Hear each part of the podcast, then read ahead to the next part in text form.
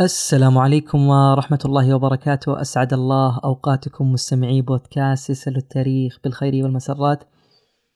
كالعادة دائما وأبدا يسعدني كثيرا ويشرفني متابعتك لهذا البودكاست وتقييمك له وإبداء آرائك ومقترحاتك في خانة التعليقات. كما أيضا يسعدني كثيرا ويشرفني نشرك لهذا البودكاست وانضمامك إلى ركب آه، أصحاب يسأل التاريخ. هذه الخدمة اللي تقدم حلقات إضافية وفريدة ومميزة للمشتركين. أيضا حاب أنوه على أنه مثل ما ذكرنا سابقا أنه في الحلقة المئة إن شاء الله ستكون استقبال لأسئلتكم واستفساراتكم عن هذا البودكاست أو عن أي حادثة تاريخية حابين نسلط الضوء عليها بشكل مختصر. آه أيضا يسعدني اليوم أني أشارك وياكم احتفالنا باليوم الوطني السعودي اللي يوافق 23 من سبتمبر في كل سنة. فيوم وطني سعيد على الجميع. وبهذه المناسبة حلقة اليوم إن شاء الله راح نتكلم فيها عن استعادة الملك عبد العزيز طيب الله ثراه للرياض. كيف استعادها؟ وراح ناخذ أيضا نبذة آه عن الملك عبد العزيز وعن نشأته إن شاء الله. بداية الملك عبد العزيز رحمه الله ولد في مدينة الرياض. وفي الفترة اللي ولد فيها الملك عبد العزيز نستطيع أن نقول أنه شمس الدولة السعودية الثانية وكما هو معلوم عند الجميع أنه الدولة السعودية آه، في تاريخها تنقسم إلى ثلاث دول دولة سعودية أولى دولة سعودية ثانية والدولة السعودية الثالثة الحالية. طبعا الملك عبد العزيز رحمة الله عليه لما ولد ولد في فترة كانت الدولة السعودية الثانية شمسها تدنو من الغروب رويدا رويدا. والسنة هذه اللي ولد فيها الملك عبد العزيز فيها عدة اختلافات يعني آه نستطيع أن نقول هناك خمس آه روايات عن الفترة اللي ولد فيها الملك عبد العزيز. وقبل ذلك يعني أنا كنت حاب أنوه هذا في بداية الحلقة لكن آه آه يعني راحت عني سهوا. آه اليوم المصدر لهذه الحلقة وللحاد وللحوادث اللي راح نذكرها إن شاء الله هو كتاب تاريخ المملكة العربية السعودية للدكتور عبد الله العثيمين. فنذكر أنه آه هناك خمس روايات عن الفترة اللي ولد فيها الملك عبد العزيز. هناك خمس روايات مختلفة منهم من يقول أنه ولد في 1285 هجري ورواية أخرى تقول أنه لا 1293 الرواية الثالثة تقول 95 اللي بعدها تقول 96 وخامسة تقول 97 الجميع متفق مثل ما ذكرنا أنه 1200 ولكن هي السنة التحديدية هل هي 85 93 أو 96 أو 97 أو حتى 95 ولكن يرجح والله أعلم أن الرواية الأدق والأصح هي أنه ولد في سنة 1293 واللي يجعلنا يعني نستند على هذه الرواية أنه هذا الكلام ذكره الأمير عبد الله بن عبد الرحمن اللي هو أخ للملك عبد العزيز رحمة الله عليه واللي كان ملم بتاريخ أسرة آل سعود آه، في ذلك الوقت. طبعا يجب أن يعلم أن الملك عبد العزيز رحمة الله عليه نشأ في أسرة هي أسرة عربية حاكمة فبالتالي هناك يعني أصول وهناك تقاليد يجب أن يكون المنتمي إلى هذه العائلة وإلى هذه الأسرة أن تكون لديه، فعلى سبيل المثال الملك عبد العزيز تعلم الرماية وركوب الخيل وأساليب الكر والفر في المعارك لأن مثل ما ذكرنا هو ينتمي إلى أسرة حاكمة. أيضا إضافة إلى ذلك الملك عبد العزيز رحمة الله عليه كان يتمتع بذكاء فهذا الذكاء ساعده في أمور كثيرة في حياته من ضمنها مثلا على سبيل المثال تعلم مبادئ القراءة والكتابة وتلاوة القرآن وأيضا تعلم الأمور السياسية وكيف إنه يتعامل مع الآخرين. وفي حلقة سابقة آه، كان عنوانها حلقة خاصة بمناسبة اليوم الوطني السعودي. ذكرنا بعض القصص عن الملك عبد العزيز وعن ذكائه ودهائه وكيفية تعامله مع الآخرين. أنصح للمستمع إذا ما كان استمع لها أن يعود آه، إليها. وكانت أول مشاركة حقيقية وسياسية للملك عبد العزيز رحمة الله عليه كانت في خروجه مع عمه محمد والشيخ عبد الله بن عبد اللطيف والشيخ حمد بن فارس. خروجهم هذا كان للتفاوض مع الأمير محمد بن رشيد اللي كان يحاصر الرياض في ذلك الوقت. هذا الحصار كان في سنة 1308 طبعا الملك عبد العزيز بقى مع والدي في تلك الفترة الصعبة في حصاره للرياض وأيضا بعد خروجه من الرياض وتنقله في عدة يعني في عدة فئات آه، من البوادي مثل بادية العجمان وآل مرة. وأكيد أنه التنقل في البادية والعيش فيها سيعطي يعني صاحبها يعني آه، كيف يتكيف مع هذه الحياة القاسية والصارمة لأنه مثل ما يعلم حياة المدن فيها نوع من الرفاهية أكثر من حياة البادية مع أنه ذلك الوقت الحياة كانت أصعب وأصعب لكن مقارنة يعني بين حياة البادية وحياة المدن أكيد في فرق آه، كبير بين هاتين الحياتين وكونك تعيش في البادية معناته ستعيش آه، القساوة اللي فيها ستعيش الشقاء والعناء اللي فيها اللي راح يورثك الصبر ويورثك يعني أمور كثيرة تساعدك. في آه، حياتك. ومثل ما ذكرنا الملك عبد العزيز رحمة الله عليه كان آه، يعني شاب في ذلك الوقت عنده الطموح وعنده الأمل أنه يعيد مجد أسرته. فاللي حصل إنه آخر محطة وصل لها الملك عبد العزيز كانت الكويت ويقال إنه عمره في ذلك الوقت كان 17 سنة. ومثل ما ذكرنا كان عنده هذا الطموح وهذا الأمل أنه يعيد تاريخ أسرته إضافة إلى أنه عنده قدرات أخرى من الذكاء اللي حباه الله سبحانه وتعالى. كل هذه الأمور جعلت الملك عبد العزيز يفكر كثيرا وجديا في أنه يعيد حكم الرياض إلى أسرة آل سعود. طبعا أول قيادة عسكرية يتولاها الملك عبد العزيز رحمة الله عليه كانت لفرقة من الجيش توجهوا من الكويت إلى الرياض. طبعا لم يستطيعوا أن يقتحموا قصر المصمك اللي كان آه، يتحصن فيه في ذلك الوقت حامية الأمير بن رشيد اللي ذكرناه سابقا. ومع ذلك بقى في الرياض مدة وهو كان غائب عنها قرابة العشر سنوات. طبعا وجوده في الرياض جعل يعني الملك عبد العزيز يعرف أوضاع الرياض آه عفوا الرياض أكثر والمستجدات اللي حصلت وأفكار أهلها في ذلك الوقت. وكان هناك يعني أمل بعودة آه الملك عبد العزيز وعودة أسرة آل سعود إلى الرياض. وهذا الشيء حدث فعلا آه انه وجد الملك عبد العزيز من آه أهل الرياض مؤيدين له. فبالتالي لما ذهب الملك عبد العزيز وانسحب من الرياض واتخذ وقتها الأمير بن رشيد إجراءات قاسية ضد بعض سكان أهل الرياض اللي كانوا متعاونين وأظهروا مشاعر الود والتعاون مع الملك عبد العزيز رحمة الله عليه. بعد النجاح النسبي للملك عبد العزيز في دخوله للرياض بدأ يتأمل المنطقة وظروفها وقرر في قرارة نفسه أنه حان الوقت المناسب اللي سيستعيد فيه حكم أسرته للبلاد مرة أخرى ومباشرة توجه الملك عبد العزيز إلى أبيه وإلى مبارك بن صباح آه، طبعا مثل ما ذكرنا بعد آه، خروجه من الرياض عاد إلى الكويت اللي كانت هي آخر محطة مثل ما ذكرنا سابقا. طبعا ألح إلحاح شديد على والده وعلى الشيخ مبارك بن صباح على إنه يعني يذهب قائد لغزوات وإنه يستعيد حكم الرياض مرة أخرى. طبعا والده كان يرفض الأمر في بدايته ويعني قد يكون هذا بحكم آه، يعني عامل السن لأنه والده مر بتجارب أكثر آه، من الملك عبد العزيز في ذلك الوقت. ولكن آه، الملك عبد العزيز كان يرى رأي العين ما حدث معه لما دخل الرياض في القصة اللي ذكرناها قبل قليل. ولكن والده كان ينظر إلى الأمور نظرة مختلفة أنه الوقت غير مناسب للحركة الآن وأنه أي عمل عسكري ضد ابن رشيد قد يؤدي هذا العمل إلى نتائج مؤلمة ليس فقط لعبد العزيز بل أيضا حتى آه، لأسرته. طبعا مثل ما ذكرنا أن الملك عبد العزيز ما رآه لما ذهب للرياض وعاش مع هؤلاء الناس ورأى الأوضاع رأى أنه هذا هو أنسب وقت أنه أنا ممكن أرجع واستعيد حكم الرياض. طبعا يجب أيضا أن يعلم أن الشيخ مبارك بن صباح يعني كان يوافق آه، الملك عبد العزيز هذا الرأي وهذا الأمر ما هو غريب أبدا.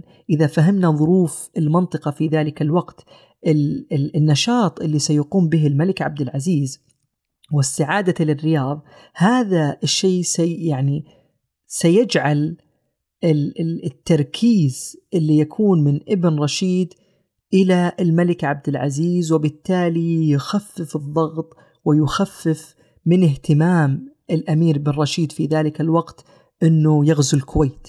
فهذه النقطة يعني جعلت الشيخ مبارك بن صباح يؤيد أن يذهب الملك عبد العزيز ويستعيد الرياض. وفعلا في عام 1319 استطاع الملك عبد العزيز أيضا بتأييد الشيخ مبارك بن صباح على إقناع الإمام عبد الرحمن والد الملك عبد العزيز على أن يخرج عبد العزيز إلى الرياض. وفعلا بدأ يهيئ العدة والعتاد والمركب مثل آه، الجمال والخيول وغيرها والأسلحة والمؤن ولما يعني أعد العدة والعتاد يقال أن اللي خرج مع الملك عبد العزيز في ذلك الوقت أنهم ما كانوا يزيدون عن الأربعين إلا قليل جدا. والملك عبد العزيز لما خرج من الكويت ما أراد أنه يذهب إلى الرياض مباشرة والسبب في ذلك أنه علم أنه لو خرج إلى الرياض مباشرة ستصل الأنباء بسرعة إلى الأمير عبد العزيز بن رشيد وأنه هذا الأخير راح يأخذ الاحتياطات والحذر لئلا تقع الرياض في يد الملك عبد العزيز. فاللي فعل الملك عبد العزيز أنه توجه إلى مضارب البادية وبالتحديد آه، إلى قبيلة العجمان اللي كانت في جهة الأحساء. وانضم يعني إليه آه، فئة من قبيلة العجمان وأيضا من قبائل أخرى مثل آه، سبيع والسهول وآل مرة. وكل هؤلاء التفوا حول رايته وكان يعني عددهم قرابة الألف مقاتل. وبدأ وقتها أنه يغير على جماعات من قبائل معينة وحالفوا النصر وبدأ يلفت آه، الأنظار حركات الملك عبد العزيز. وهنا في هذه اللحظة أدرك وقتها الأمير عبد العزيز بن رشيد خطورة هذا العمل الذي يقوم به الملك عبد العزيز.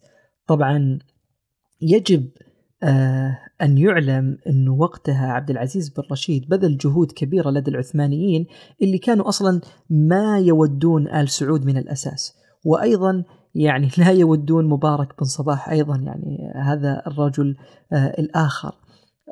وهذه التواصل وهذه الجهود اللي بذلها ابن رشيد جعلت أنه كل من يقف مع الملك عبد العزيز سوف آه، يمنع يعني من دخول الأحسى والقطيف ولن يتزود بالأطعمة والمؤن.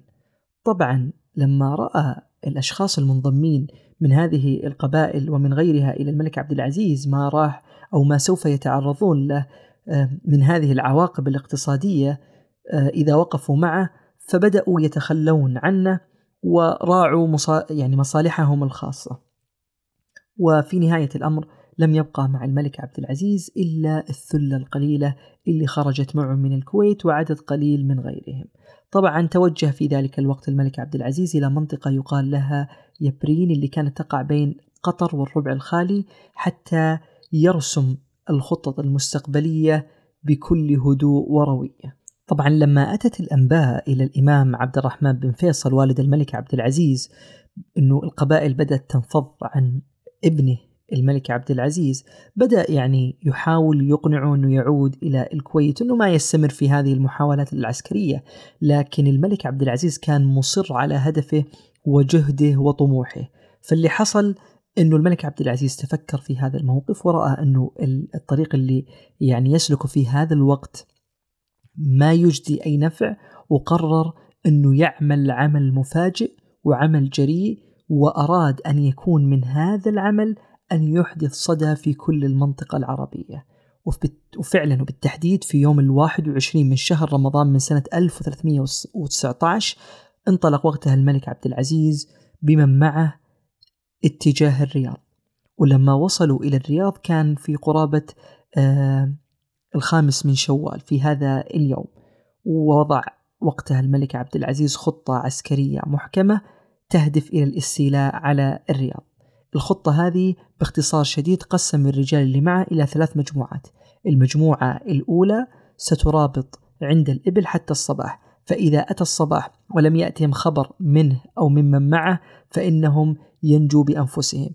المجموعة الثانية ستكون بقيادة أخ الملك عبد العزيز محمد وستكمن في إحدى المزارع اللي موجودة آه، في الرياض. حتى تأتي أوامر الملك عبد العزيز أما المجموعة الثالثة فستدخل البلدة أو الرياض بقيادته. ولم يجد وقتها الملك عبد العزيز ومن معه صعوبة في دخول الرياض والسبب في ذلك أن أسوار الرياض كانت مهدمة في ذلك الوقت. أيضا خذ في عين الاعتبار أنه عدد الداخلين لمدينة الرياض ما كان ذلك العدد الكثير أو الكبير اللي قد يحدث ضجة أو يثير آه، ريبة أو انتباه. يعني تقول بعض الروايات أنه عددهم ما تجاوز السبعة. وفعلا دخل هؤلاء الرجال إلى بيت مجاور لبيت عامل ابن الرشيد اللي يدعى عجلان بن محمد.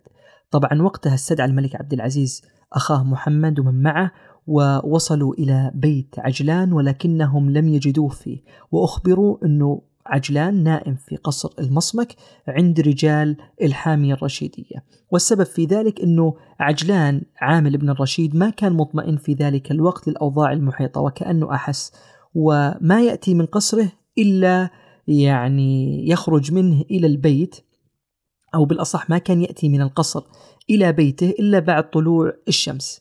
وفعلا انتظر الملك عبد العزيز وأخوه محمد بن عبد الرحمن ومن كان معهم خروج عجلان من قصر المصمك في الصباح. وأول ما خرج عجلان من القصر انقض عليه الملك عبد العزيز ومن معه حاول أنه يعود إلى القصر ولكن لم يستطع. وداهم الملك عبد العزيز ومن معه بوابة القصر واستطاعوا أن يدخلوا إليه. وقتل عجلان على يد عبد الله بن جلوي وقتل عدد من أتباعه.